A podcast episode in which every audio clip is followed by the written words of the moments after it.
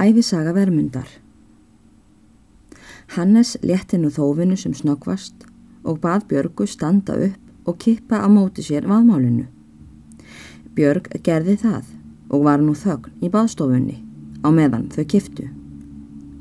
En er það var búið fór Björg aftur í sæti sitt en Hannes tók að þæfa.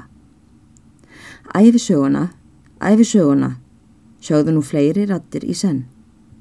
Hannes tók þá aftur upp söguþráðin og mælti. Vermundur hóf æfisögu sína á þessa leið. Ég er borin og barnfættur á Sakslandi og ná komin að frændsemi við kongsætt þá sem þar hefur lengi setið að völdum. Þar hefur kongur átt ríkjum að ráða á vorum dögum sem þér þekkið, herra, með því að mikil vináta var með ykkur til forna. Hann var roskin að aldri þegar hann gekk að eiga drotningu sína sem mér var ná skild og gerði hann mig þá að æðsta ráðgjafa sínum og trúnaðarmanni. Þau kongur og drottning egnuðust eina dóttur sem var hinn fríðasta mær og var þeim ekki fleiri barna auðið.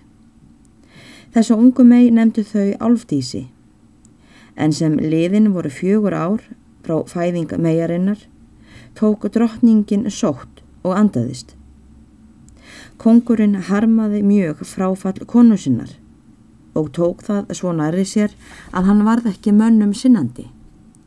Gerði það út skip og sildi af landi burt og ætlaði þá að fundi þar herra til að endur nýja forna vináttu og gleima svo hörmum sínum.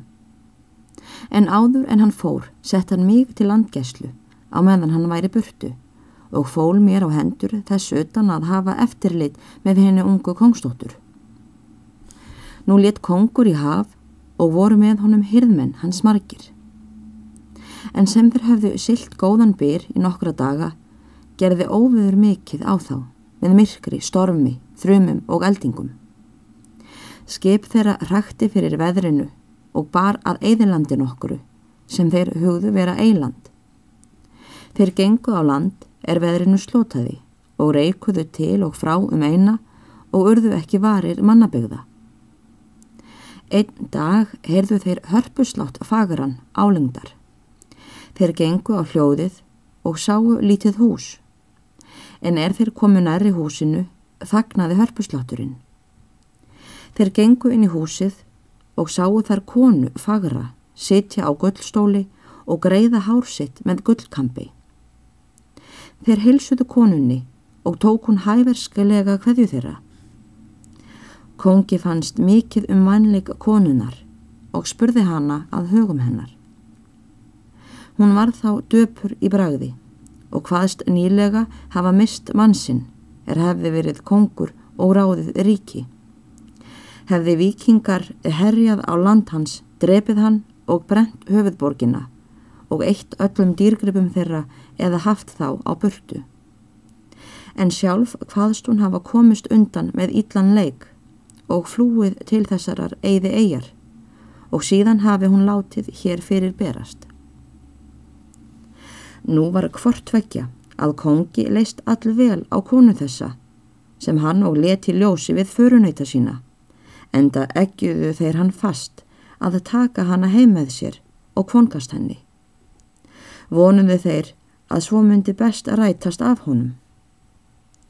Kongur gegst fyrir hvoru tvekja, fegurð konunar og áækjun hirðmannanna og bar upp fyrir henni hvort henni myndi ljúft að breyta ráði sínu þannig að koma með sér heim og verða drottning sín. Konan tók þeim málum líklega og var þá að ráði gert að hún skildi fara heim með konginum ræður nú kongur með sér að láta staðar numið með ferðina og hverfa heim aftur. Þeir gera svo, taka drottninguna í skipið með farangri hennar, þar á meðal gullstólnum og snúa heimleiðis. Gaf þeim vel byr. En sem kongurinn kom heim með konu þessa, brá mörgum við tíðindin, en engum fremur en mér. Það var sleið upp brúðköpsveislu og var þar í bóði flest stórmenni ríkisins, utan kongstótturinn og ég. En brátt komi ljós hver kona svo var er kongurinn hafði gengið að eiga. Hún þótti öllu spilla en engum lagði hún hatur á stjúpdóttur sína og mig. Ég leitaðist við að vernda kongsdótturina eftir mætti fyrir árásum drotningarinnar og hefnaðist það um hríð. En árvekni mín rökk ekki til.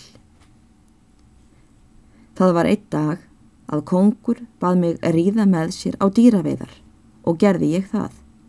En eftir á þóttist ég sjá að það hefði verið gert að áækjun og undirlægi drottningar. Þennan dag var veður fagurt og gekk drottningin út fyrir höllina með stjúpdóttur sína eina saman og lést ætla að skemta henni. En sem fyrir voru komnar spölkorn frá höllinni, spenti drottningin belti um mitti kongsdóttur. En í sama byli sem hún gerði þetta, flög fuggl hjá og söng í loftinu yfir höfði þeim. Drottningin síndi stjúpdóttur sinni fugglin og mælti síðan. Mæli ég um og legg ég á að þú verðir að skinnlausum fuggli eins og þessi er og verðir í þeim álögum í tíu ár og losnir ekki úr álögunum fyrir en hinn fríðasti kongsson í heimi hefur kent þér að nefna nafn sitt sem seint mun verða og skal þó ekki duga nema þú nefnir það svo ég heyri til. Já, skjótt sem hún hafi talað breyttist kongsdótturinn í fuggl en hinn vonda drottning snýri heimleiðis, glöð í skapi að því að hafa svalað heftarhug sínum. Nærri má nú geta hvað konginum varði við og eins mér þegar við komum heim um kvöldið og fréttum að kongsdótturinn var horfin án þess nokkur þættist vita hvað um hana varð. Var leitað lengi til einskis og harmaði kongur sáran yfir missi dóttur sinnar en grunað ekki drottningu, með því líka hún lest sirkja með honum. En svo vildi vel til að drottningin framdi ódáða verk sitt í nánd við stóran stein sem dvergur býr í og sá dvergurinn og heyrði allt aðhafi hennar án þess hún vissi. Ég var kunnugur dverginum og hafði ég gert honum lítilfjörlegan greiða sem hann vildi nú endurgelda mér. Hann vissi hver mjög ég unni kongstóttur og tók hann því fugglin og varðveitti, þar til fundum okkar bar saman. Þá sagði hann mér upp alla sögu um orð og ummæli drottningar. Ég vildi svala hefminni þegar og dreipa drottningu, en dvergurinn síndi mér fram á hvílikt óráð það var. Því að kvorki væri til þar sannanir gegn henni sem trúað yrði Enda væri líka samkvæmt ummælum og álögum drottningar loku skotið fyrir að kongsdótturinn kæmist nokkur tíma úr álögunum ef drottningin væri drepinn þegar í stað. Síðan lagði dvergurinn mér áð hversu ég skildi með fara og sagði ég hliti að ná á vald mitt hinnum fríðasta kongsinni í heimi til þess að fylltur yrði skildægin fyrir laust kongsdóttur. Þá fjektverkurinn mér hest og fleiri áhöld til brottfarar og ranns á hestur í loftinu hvert sem ég vildi fara. Ég tók mér þá ferð á hendur, er varaði svo lengi að missir um skipti og reyði ég um allan heim til að leita að hinnum fríðasta kongsinni sem til væri. Kom ég þá í öll lönd og í öll kongaríki og sá einn kongsónin öðrum fríðari. Loks kom ég í landiðar, herra, og er ég leit soniðar, sá ég þegar að hann bar langt af öllum öðrum kongsónum og kaus ég hann mér til handa.